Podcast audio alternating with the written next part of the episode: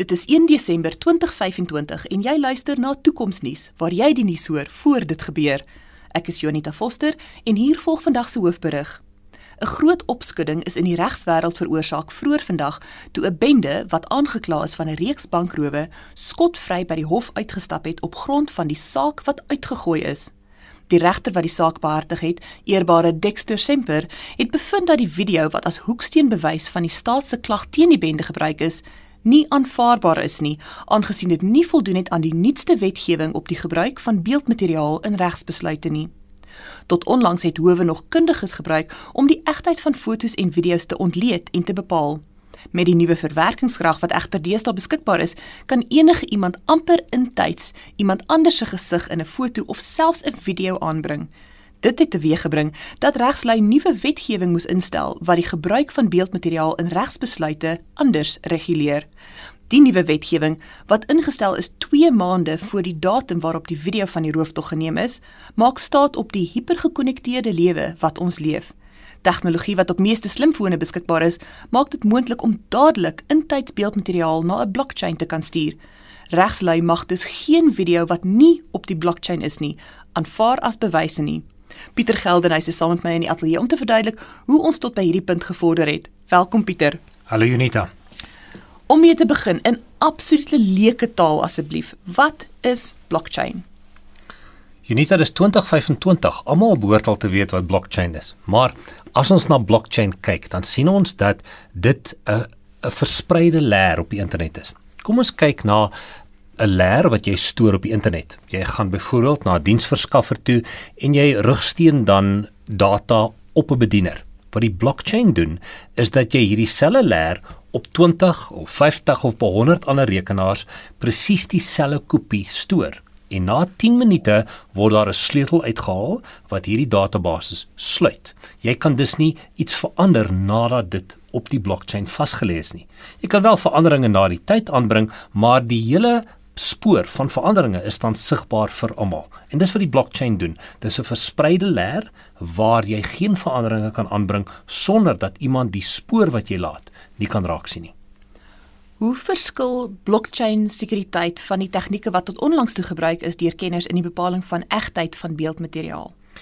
As ons kyk na video materiaal, dan sien ons dat jy baie maklik 'n gesig van iemand kan verander op video materiaal. En as jy dan 'n video in die hande kry en jy doen die veranderinge, raak dit al hoe moeiliker om die egtheid van die video te bepaal. As jy egter hierdie video onmiddellik op die blockchain stoor, raak dit baie moeilik om die veranderinge aan te bring. En dit is hoekom die regsomgewing verander het om te sê maar as dit dan so maklik is om direk van jou slimfoon af iets binne in 'n blockchain te kan stoor waar die waarskynlikheid van egtheid baie hoër is, hoekom moet ons dan ander elemente aanvaar? En dit is eintlik waar dit daarop neerkom dat daar 'n hoër vlak van aanvaarding is as iemand iets op die blockchain sou stoor. Wat het gemaak dat mens sommer so op jou slimfoon 'n persoon se gesig in 'n foto of in 'n video intyds kan vervang met 'n ander een?